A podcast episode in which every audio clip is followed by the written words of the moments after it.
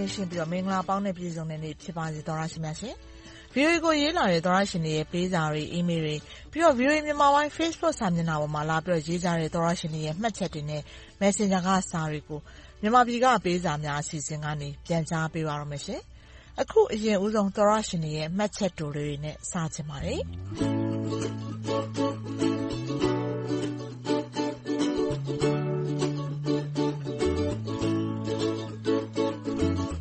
VOA ကနေ့စဉ် Facebook ပေါ်ကထုတ်လွှင့်မှုတွေအောက်မှာရေးလာတဲ့ Comment တွေထဲမှာဆိုရင်တော့ဦးသိန်းဇော်ဆိုတဲ့သောတရှင်က VOA ခင်များအသက်နှစ်ကစပြီးအစီအစဉ်တွေအားလုံးနားထောင်ခဲ့ပါတယ်။အခုအသက်နှစ်ပါ။ထာဝရအားပေးလျက်ပါ။မြန်မာပြည်ကြီးအမြန်ငြိမ်းချမ်းရေးရပါစေဆိုပြီးရေးလာပါတယ်။ငယ်ငယ်ကတည်းကနှစ်ပေါင်းများစွာနားဆင်လာတဲ့သူပါ။မြန်မာနိုင်ငံအမြန်ငြိမ်းချမ်းရေးရပါစေလို့ထပ်တူဆုတောင်းပေးချင်ပါတယ်။ဇင်မာလွင်ဆိုတဲ့သောတရှင်ကတော့ မင်္ဂလာပါ VOA မင်္ဂလာပေါင်းနဲ့ပြည့်စုံပါစေလို့အားလုံးအတွက် VOA ကနေနှုတ်ဆက်ပါတယ်။အခုလိုမျိုးမှန်ကန်တဲ့သတင်းတွေတင်ဆက်ပေးလို့အထူးကျေးဇူးတင်ပါတယ်။နောင်လည်းအခုလိုမှန်ကန်တဲ့သတင်းတွေတင်ဆက်ပေးပါ။ Messenger ကရေးလာတာပါ။မဇင်မာလွင်အထူးကျေးဇူးတင်ပါတယ်။အစီအစဉ်တွေကိုဆက်ပြီးအားပေးနေပါအုံးလို့ပြောချင်ပါတယ်။ VOA စာတွေတော်တော်နဲ့ရေးဖြစ်တော့မှာမဟုတ်ဘူးဆိုပြီး နှုတ်ဆက်စာတစောင်ရေးလာတဲ့သောတရှင်မစန္ဒာကတော့စာမရေးလည်းအစီအစဉ်တွေကိုနားထောင်နေမှာပါလို့ဆိုလာပါတယ်။ဟုတ်ကဲ့ပါ VOA ရေ။ Sunday ရက်နေ့ညသတင်းတွေကိုအဆင်ပြေစွာနဲ့အပြည့်အစုံပြန်ပြီးတော့နားထောင်လိုက်ရပါတယ်။စကားလုံးအမှားလေးတွေဖတ်မိတဲ့ကိစ္စမျိုးလေးတွေကိုတော့ကျမအနေနဲ့က VOA ရဲ့သတင်းတွေကိုနေ့စဉ်နားထောင်နေတဲ့သူအနေနဲ့ဖြည့်ပြီးတော့နားလည်ပေးနိုင်ပါတယ်။ကျမတို့ပေးပို့တဲ့စာတွေကိုလည်းစကားလုံးလိုအပ်တာလေးတွေပါသွားရစမြဲပါပဲ။ ကျမတို့ မြန်မာပြည်သူတွေအတွက်ကတော့ ဒီလောက်အထိ သတင်းအလုပ်ကနေ ကြိုးစား ကူညီပေးနေကြတာကိုပဲ ကျေးဇူးတင်လှပါပြီ။မြေပြင်သတင်းတွေကို ဆက်သွယ်ပြီး ပြည်သူတွေဆီ အရောက်ပို့ပေးနေတဲ့ မြန်မာနဲ့ထိုင်းက သတင်းသမား ဝိုင်းတော်သူ ဝိုင်းတော်သားတွေကိုလည်း တကယ်ကို ကျေးဇူးတင်မိပါတယ်။အလွတ်သတင်းထောက် ဦးစည်သူအောင်မြင့်ရဲ့“ဗဟိုဘဏ် ဘာတွေလုပ်နေသလဲ”ဆိုတဲ့ ဆောင်းပါးဆိုရင် အဲဒီအချိန်ကာလမှာ မြန်မာပြည်သူအများစုအတွက် သတိချက်စရာ ဆောင်းပါးတပုဒ် ဖြစ်ခဲ့ရပါတယ်။ အခု ဒီမိုကရေစီ၊လူ့အခွင့်အရေးနဲ့ ခေတ်ပြိုင်ကမ္ဘာအစီအစဉ်ကို နားထောင်လိုက်တော့လည်း အဲဒီတခေါက်တုန်းက ဝေဝါးနေတဲ့ ကျမတို့ရဲ့ စိတ်တွေ နည်းနည်းတော့ ငြိမ်းအေးသွားရလို့ ကျမ အဲဒီရက်တုန်းကလည်း VOA ကို စာရေးပြီးတော့ပေးပို့ခဲ့ပါသေးတယ်။ကဏ္ဍတိုင်းမှာ အကျိုးဖြစ်စေတဲ့ ဗဟုသုတအပေါင်းကို တင်ဆက်ပေးနေတာလို့ ထင်မိပါတယ်။အခုလည်း ကျမ စာအရှည်ကြီးရေးပြီးတော့ဝိုင်းတော်သူ ဝိုင်းတော်သားအားလုံးကို နှုတ်ဆက်လိုက်ပါတယ်။ကျမ VOA ကို အချိန်အတော်ကြာ စာရေးဖြစ်တော့မှာ မဟုတ်တော့လို့ပါ။ဒါပေမဲ့ VOA ရဲ့ ညစဉ်သတင်းတွေကိုတော့ အမြဲ မလွတ်တမ်း နားထောင်နေမှာပါ။ ကျမချစ်တဲ့ VOA ရဲ့ ဝိုင်းတော်သူ ဝိုင်းတော်သားတွေအားလုံး ကိုယ်စိတ်နှစ်ပါး ကျန်းမာချမ်းသာစွာနဲ့ အေးချမ်းသာယာတဲ့ ဘဝခရီးရှည်ကြီးကို ကျော်ဖြတ်လျှောက်လှမ်းနိုင်သူတွေ ဖြစ်ကြပါစေလို့ ဆုတောင်းပေးလိုက်ပါတယ်။ဟုတ်ကဲ့ ကျေးဇူးတင်ပါတယ်မစန္ဒာရေ။ပေးတဲ့ဆုနဲ့ ပြေးကြရပါစေလို့ အားလုံးကိုစားလဲပြန်ပြောပြောချင်ပါတယ်နော်။မစန္ဒာက အစီအစဉ်တွေ ကြည့်မရဘူးလို့လည်း ပြောလာတာပါ။ည9နာရီအစီအစဉ်ကို ရှာလို့မရဘူးတဲ့ ခဏလေးပဲ နားထောင်လိုက်ရတယ်။လိုင်းတွေကလား ဖုန်းကလား ထိုင်ပြီးတော့ စဉ်းစားနေမိတဲ့ VOA တဲ့။ မစန္ဒာရေတခါတလေမှာကျမတို့ Facebook ကအမှားယွင်းဖြစ်တတ်ပါတယ်။နားထောင်မရအဲဒီလိုအခါမျိုးမှာဖြစ်တယ်ဆိုရင် YouTube တို့ VOA Burmese website တို့မှာသွားပြီးနားထောင်ကြည့်ရှုစေချင်ပါတယ်။ကျမတို့ Jerusalem ကထုတ်လွှင့်ချိန်မှာ Facebook ပေါ်တက်အောင်လုပ်ထားတဲ့ Automation စနစ်ကကြောင်ပြီးမလာတာမျိုးဖြစ်တတ်ပါတယ်။အဲဒါကိုမဖြစ်အောင်လည်းကျမတို့ကာကွယ်လို့မရပါဘူး။သူ့ဘာသူထပြီးဖောက်တာမျိုးပါ။ ဒါကြောင့်မို့ကျမအခု link လေးတွေထည့်ပေးလိုက်ပါတယ်။ခုနပြောတဲ့ YouTube တို့ကျမတို့ VOA အင်တာနက်ပင်မစာမျက်နှာတို့ဖြစ်ပါတယ်။အဲဒီမှာနားထောင်ကြည့်ပါနော်သူ့လိုပဲနောက်ထပ်သောတရှင်ဦးတုကလည်းမေးထားတာပါ။တခါတည်းဦးတုကိုလည်းဖြေပေးလိုက်ပါတယ်နော်။ကျမအဲဒီမှာကျမတို့ရဲ့အင်တာနက်စာမျက်နှာ link ဖြစ်တဲ့ burmese.voanews.com/program/radio ဆိုတဲ့ link ကိုထည့်ပေးလိုက်ပါတယ်။ရေဒီယိုအစီအစဉ်တိုက်ရိုက်နားထောင်လို့ရအောင်ပါ။နောက်တခု YouTube စာမျက်နှာမှာတော့ youtube.com/@voaburmese မှာသွားပြီးတော့ ကြည့်ရှုနားဆင်နိုင်ပါတယ်ရှင်။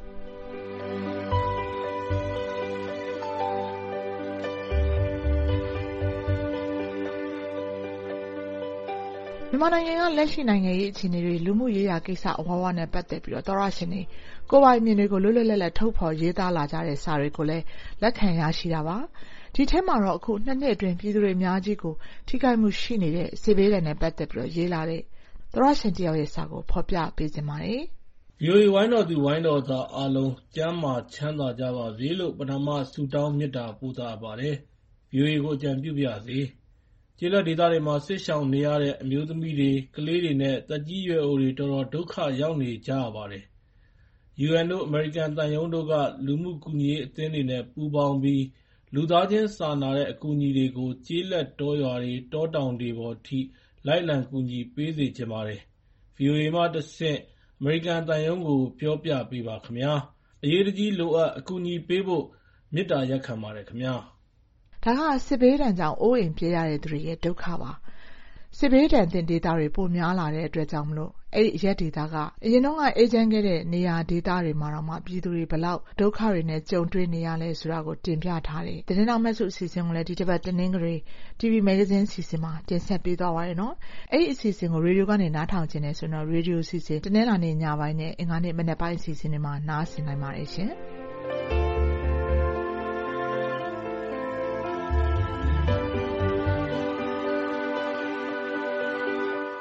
အခုရင်ဖွင့်လာတဲ့ သောတရှင်တယောက်ရဲ့စာကိုလည်းဆက်ပြီးဖော်ပြပေးချင်ပါတယ်။အကောင့်နာမည်မပြောပါနဲ့ဆိုတဲ့သောတရှင်ကရန်ကုန်သင်္ဃန်းကျွန်းကရုံးကိစ္စတခုနဲ့ပတ်သက်ပြီးရင်ဖွင့်လာတာပါ။“လေးစားရတဲ့ဗွီအိုအေကအကိုအမများခင်ဗျာ။ကျနော်တခါမှအကူအညီမတောင်းခဲ့ဖူးပါဘူး။အခုလည်းဒီစာကိုမြင်ပါ့မလားမသိဘူး။ရင်ဖွင့်ချင်လို့ပါ။ကျနော်တို့သင်္ဃန်းကျွန်းမှတ်ပုံတင်ရုံးကပိုက်ဆံတွေမတရားတောင်းနေပါတယ်။တခုခုလုပ်ဖို့ဖောင်တင်တော့မယ်ဆိုရင်ဖောင်ဝယ်ရပါတယ်။၂,၀၀၀ဒါတော့ဘာမှမဖြစ်ပါဘူး။ ဝယ်ရမှာပေါ့လေ။နောက်ပြီး ဖောင်တင်ဖို့ဆိုပြီး ဖောင်တင်ခ၅,၀၀၀ထပ်တောင်းပါတယ်။မှတ်ပုံတင်ပဲလုပ်လုပ် သန်းခေါင်စာရင်းပဲလုပ်လုပ်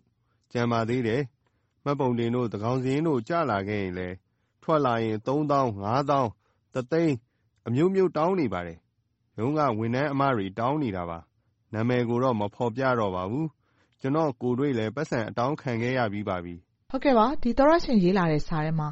ဖောင်တင်ခတောင်းတယ်ဆိုတာ အမေရိကန်ပြည်ထောင်စုမှာလည်း နိုင်ငံသားလျှောက်တာမျိုး ဥပမာ မှတ်ပုံတင်လုပ်တာမျိုး ဒီလိုနေရာတွေမှာ ကျမတို့ဖောင်တင်ခပေးရပါတယ်။ဒီမှာ တခုရှိတာက ပေးရတဲ့နေရာမှာ သတ်မှတ်ဈေးနှုန်း ဖော်ပြထားတဲ့ ပမာဏကို ပေးရတာ ဖြစ်ပါတယ်။ဒီနိုင်ငံမှာ အစိုးရက ပြည်သူအတွက် အသုံးငွေလည်း သေချာစီစဉ်ထားတယ်ဆိုတော့ ဖောင်ဝယ်ရတာမျိုးတော့ ကျမတို့ မပေးရပါဘူး။ဒါပေမဲ့ ခုနတုန်းကလို မှတ်ပုံတင်တာ၊ဒရိုင်ဘာလိုင်စင်နိုင်ငံကူးလက်မှတ် ဒါမျိုးတွေကိုတော့ သူတို့ပေးရမယ့် ပမာဏကို လူတိုင်းပေးရတာ ဖြစ်ပါတယ်။ အွန်လိုင်းကပဲလျှောက်လျှောက် ဘယ်သူပဲလျှောက်လျှောက် သတ်မှတ်ဈေးနှုန်းအတိုင်း ပေးရပါတယ်။အခု ရန်ကုန် သင်္ဃန်းကျွန်း မှတ်ပုံတင်ရုံးက တောင်းတယ်ဆိုတာ အဲဒီလိုသတ်မှတ်ကြေးတောင်းတာလား၊အလွတ်တောင်းတာလား ဆိုတာမျိုးတော့ ဒီသောတရှင်က ရေးမထားပါဘူး။သောတရှင်တွေရဲ့ ဒီတပတ်ပေးစာတွေကိုတော့ ဒီမှာတင် ရပ်ချင်ပါတယ်။အားလုံးအတွက် ပိုမိုကောင်းမွန် အဆင်ပြေတဲ့ နေ့သစ်တွေ ပိုင်ဆိုင်နိုင်ပါစေလို့ ဆုတောင်းချင်ပါတယ်ရှင်။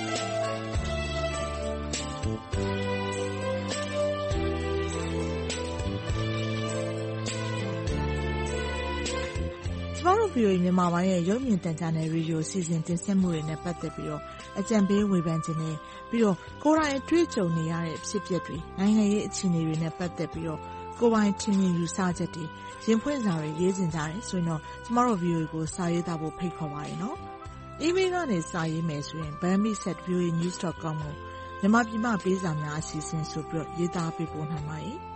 Facebook အသုံးပြုသူတွေအနေနဲ့လည်း VOA Burmese News ဆိုတဲ့ဗွီအိုအေမြန်မာပိုင်းရဲ့ Facebook စာမျက်နှာကိုသွားပြီးမှတ်ချက်တွေလာရေးနိုင်သလို VOA မြန်မာပိုင်း Facebook Messenger ကနေလည်းစာရေးပို့လို့ရပါတယ်။သောတရှင်တွေဆီကတုံ့ပြန်အကြံပြုလာမှာတွေကိုစောင့်မျှော်ကြိုဆိုနေပါတယ်ရှင်။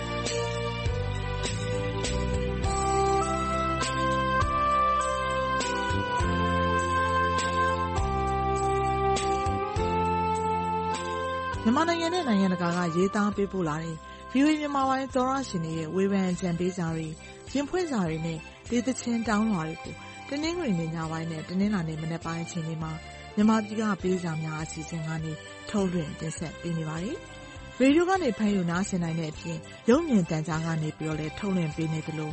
ဗွီအိုအေမြန်မာပိုင်း Facebook စာမျက်နှာနဲ့ YouTube စာမျက်နှာတို့ကနေလည်း ထုတ်လွှင့်ချိန်နဲ့ တပြိုင်နက်တည်း တိုက်ရိုက်နားဆင်နိုင်ပါတယ်။လွှင့်ထုတ်ပေးခဲ့ပြီးတဲ့ အစီအစဉ်တွေကို Facebook နဲ့ YouTube ပေါ်မှာ ပြန်ပြီးနားထောင်နိုင်သလိုဗွီအိုအေအင်တာနက်စာမျက်နှာနဲ့ ဖုန်းပေါ်က VOA App တွေမှာလည်း သွားပြီးနားထောင်ကြည့်ရှုနိုင်ပါတယ်။ကျမတို့ရဲ့ VOA App နာမည်က VOA Burmese ဖြစ်ပါတယ်။ကျမတို့ရဲ့ အင်တာနက်စာမျက်နှာလိပ်စာက burmese.voanews.com ဖြစ်ပါတယ်။ကျမ အေးသန္တာကျော်ပါ။ VOA ကိုလည်း စာရေးကြပါဦးနော်။ ။သောရရှင်တွေအားလုံးဘေးအန္တရာယ်ကင်းရှင်း၊ရှင်လန်းချမ်းမြေ့ကြပါစေရှင်။